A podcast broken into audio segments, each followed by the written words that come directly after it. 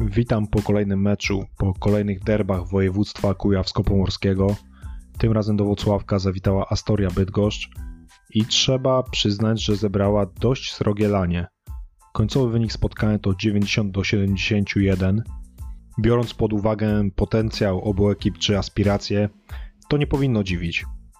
Jednak patrząc na ostatnie wyczyny naszych koszykarzy, to mamy powody do radości. Ponad miesiąc czekaliśmy na to zwycięstwo i wreszcie po serii nieudanych występów, mówiąc delikatnie, nastąpiło przełamanie. Trzeba przyznać, że gracze Astorii bardzo sobą weszli w to spotkanie.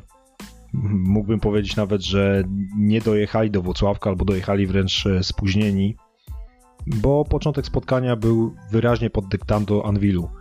Gracze Asty mieli wielki problem z przebiciem się przez naszą obronę strefową. To była ich po prostu zmora. Wielka zmora, przez którą popełnili całe mnóstwo strat, co tylko nakręcało nasze szybkie ataki. Co więcej, nawet gdy dochodzili do pozycji rzutowych, to strasznie pudłowali. Mieli olbrzymi problem ze skutecznością, zarówno z otwartych pozycji z dystansu, czasami udało im się wejść pod kosz, ale też nie potrafili umieścić piłki w koszu. To spowodowało, że już naprawdę od pierwszych minut przewaga Anwilu była niezwykle wyraźna i zaskakująca, biorąc pod uwagę wcześniejsze tygodnie. Pierwszą kwartę wygraliśmy 23 do 9. Jak widać, rywale rzucili nam tylko 9 punktów. To jest naprawdę wynik warty odnotowania i zapamiętania, bo nie mam pojęcia, kiedy znowu coś takiego się powtórzy. Goście grali bardzo nieporadnie, potrafili gubić piłki nawet w najprostszych sytuacjach. W całym meczu zanotowali aż 18 strat. A Anvil? Anvil dominował. Anvil wyraźnie dominował. Każda akcja nakręcała naszych zawodników i to był naprawdę przyjemny widok. Nie straciliśmy swojego prowadzenia nawet przez chwilę w trakcie tego meczu. Remis też widniał jedynie na samym początku spotkania, remis, czyli 0-0, a później wszystko przebiegało pod nasze dyktando. Wygraliśmy zbiórki 44 do 33, zanotowaliśmy 25 asyst, co świadczy tylko o tym, że funkcjonowaliśmy po prostu jako, jak prawdziwy zespół. Funkcjonowaliśmy jak prawdziwy zespół, potrafiliśmy przyspieszyć, zwolnić, szukać jak najlepszych opcji w ataku. I właśnie to oraz wspomniana już defensywa były naj, najlepszymi, najważniejszymi czynnikami tej naszej kontroli nad spotkaniem. Takim sposobem już w drugiej kwarcie wyszliśmy na prowadzenie 30 punktami. To naprawdę uważam za niezły wynik, niezłe osiągnięcie. Ale powiedziałem dotychczas sporo dobrego o grze Rottweilerów.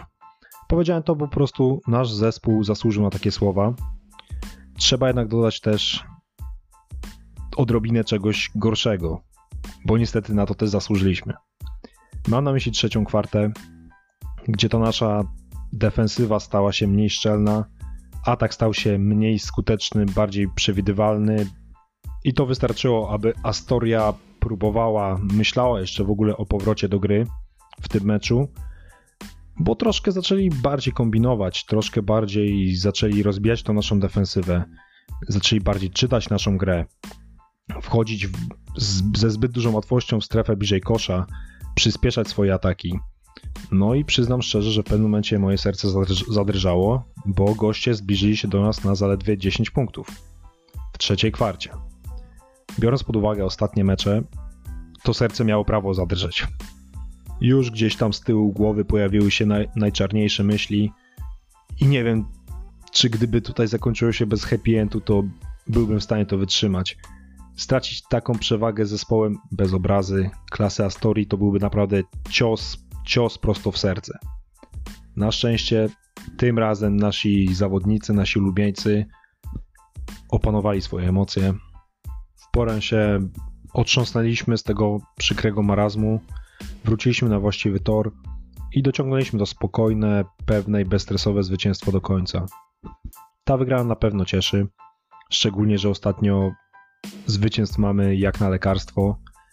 I teraz pojawia się pytanie, czy to jest wynik lepszej gry Anvilu, czy to jest wynik poprawy naszych mankamentów, czy może po prostu Astoria była słaba. Ja osobiście myślę, że jedno i drugie. Anvil zagrał dobre spotkanie, to nie podlega wątpliwości, ale z drugiej strony, ale z drugiej strony gracze przyjezdni nie zawiesili tej poprzeczki zbyt wysoko, mieli problemy z własnym atakiem, a nam pozwalali się rozkręcać, nie, nie ograniczali naszych popisów ofensywnych i rezultatem tego jest właśnie ostateczny wynik tego pojedynku. Jak mówię, ta wygrana cieszy, ale jestem bardzo daleki od popadania w jakiś hura optymizm. Na to jeszcze nie czas, nie pora. Kilka takich występów może zmieni moje zdanie, ale to jeszcze nie jest ten dzień. Poczekajmy, co będzie dalej. W meczu z Aston trener Marcin Woźniak kolejny raz pokazał, że nie boi się eksperymentów. Nie mówię tutaj o stylu naszej gry, o zmianach w defensywie czy jakichś innowacjach w ofensywie, ale pierwsza na przykład taka kwestia, która rzuca się w oczy, to Krzysztof Slima w pierwszej piątce. Żupro może nie wyglądał jakoś e, zachwycająco, zdobył dwa punkty, dołożył 7 zbiórek, ale tutaj chodzi o sam fakt, że nasz coach nie boi się stawiać na nowe pomysły.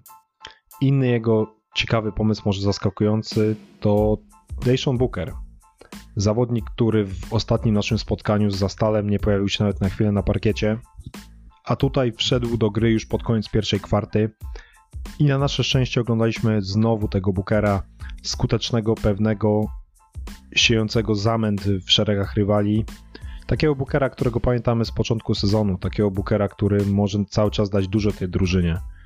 Amerykanin zdobył w tym meczu 16 punktów, dołożył 9 asyst i myślę, że to on w głównej mierze przełamał ten nasz impas e, w trzeciej kwarcie tego spotkania. Czarował tą swoją indywidualną grą, grą jeden na jednego, wchodził odważnie pod kosz i naprawdę był ciężki do zatrzymania przez rywali. Myślę nawet, że Astoria nie była gotowa, nie była przygotowana na Bookera w takim wydaniu, a on to bardzo chętnie, pewnie, skutecznie i efektywnie wykorzystał. Wiadomo, że jego ważną bronią są rzuty z dystansu.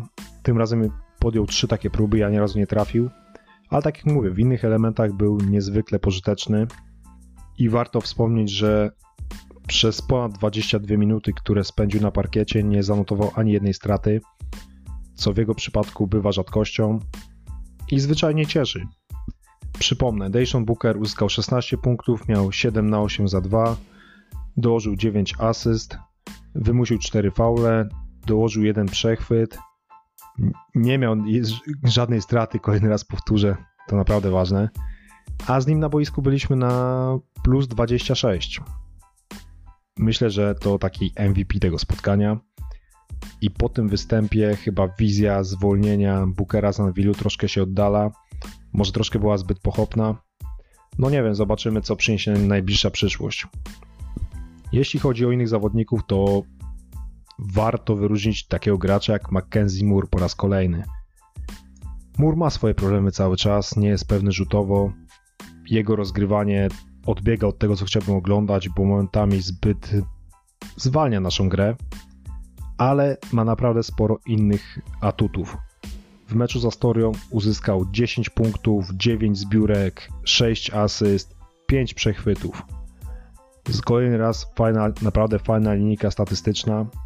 Szczególnie świetnie wykorzystywał te swoje warunki fizyczne w defensywie w naszej obronie strefowej. Jego długie ręce naprawdę pomagały zatrzymywać rywali. I co tu dużo mówić, mur po prostu staje się coraz pewniejszym elementem naszego zespołu, a to naprawdę dobra wiadomość. Iwica Radic kolejny raz był solidny. Nie świetny, nie fenomenalny, nie przebojowy, ale po prostu solidny. Ja osobiście nic więcej od niego nie wymagam. Tym razem zanotował double-double na poziomie 14 punktów 11 zbiórek. Kilka tych jego rzutów było takich niedociągniętych, dziwnych, za słabych. Kilka razy też mógłby lepiej zachować się w strefie podkoszowej, szczególnie w obronie. Ale nie można mówić, że było źle.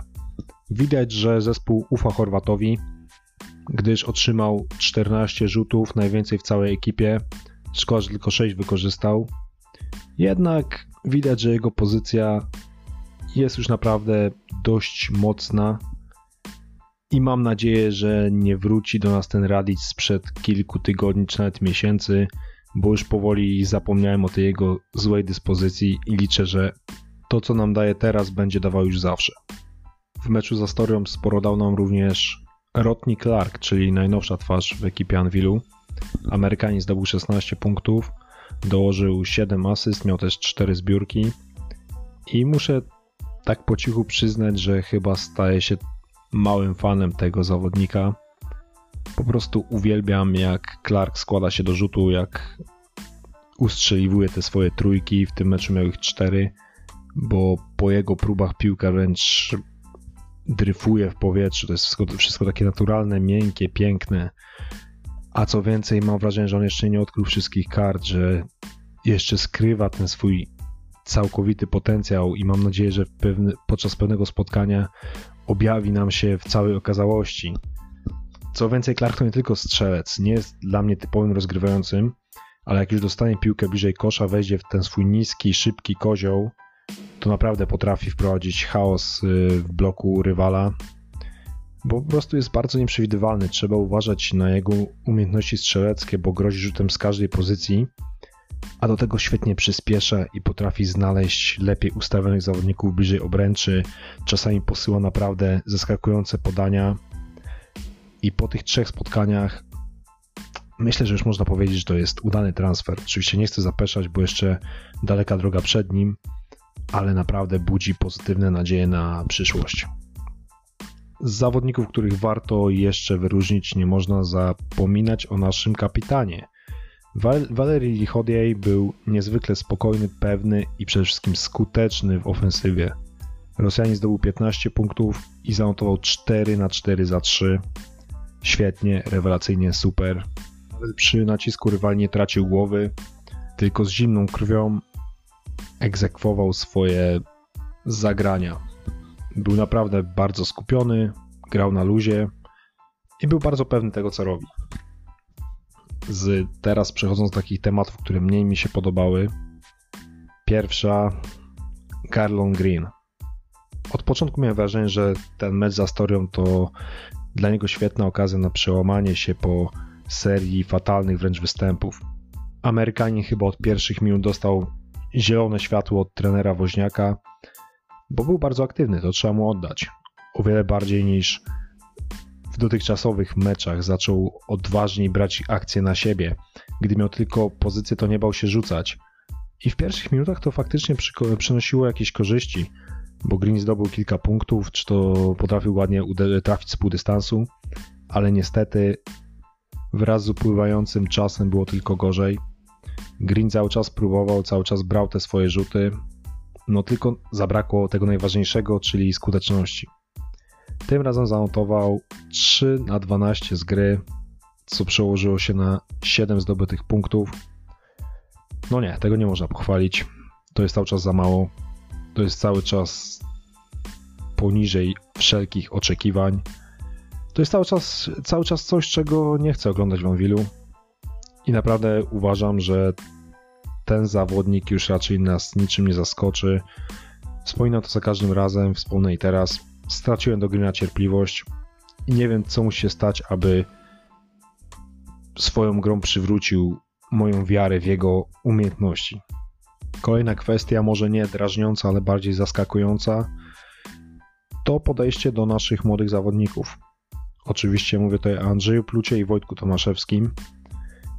Prowadziliśmy naprawdę wysoko, już w drugiej kwarcie przypomnę, że mieliśmy plus 30 a mimo to ci młodzi chłopacy nie dostali zbyt wielu okazji do gry, bo pojawili się na parkiecie dopiero na lekko ponad minutę przed końcową syreną.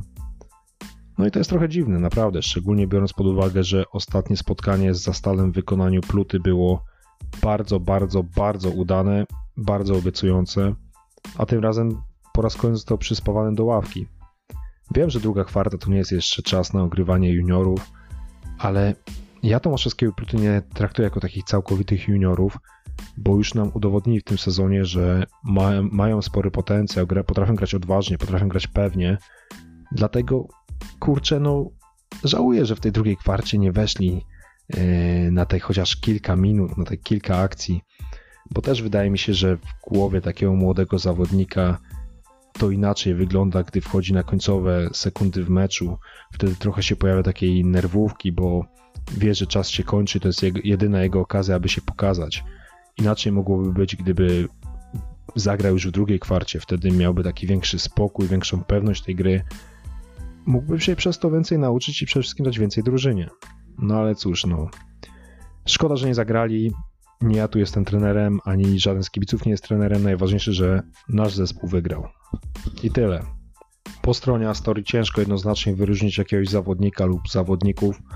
E, na początku tą grę gości starał się, można powiedzieć, szarpać Michał Chyliński, ale w pewnym momencie miałem wrażenie, że Chylu też jest sfrustrowany tą nieporadnością własnej ekipy, ekipy. Szczególnie chyba był dość zdenerwowany, gdy przy swojej firmowej akcji, czyli rzucie z dystansu, został zablokowany przez Mura. No, no nie był pocieszony tym, jak wygląda ten mecz. Chociaż ostatecznie trafił czterokrotnie z dystansu i spotkanie zakończył z rokiem 14 punktów. E, lider Astory, czyli Amerykanin Corey Sanders, no tutaj tego gracza najbardziej się obawiałem, bo z tego co obserwuję Astory w tym sezonie, to ten zawodnik naprawdę potrafi namieszać i bałem się, że namiesza również w meczu z Anvilem. Tymczasem przez długi okres czasu Sanders był w ogóle niewidoczny.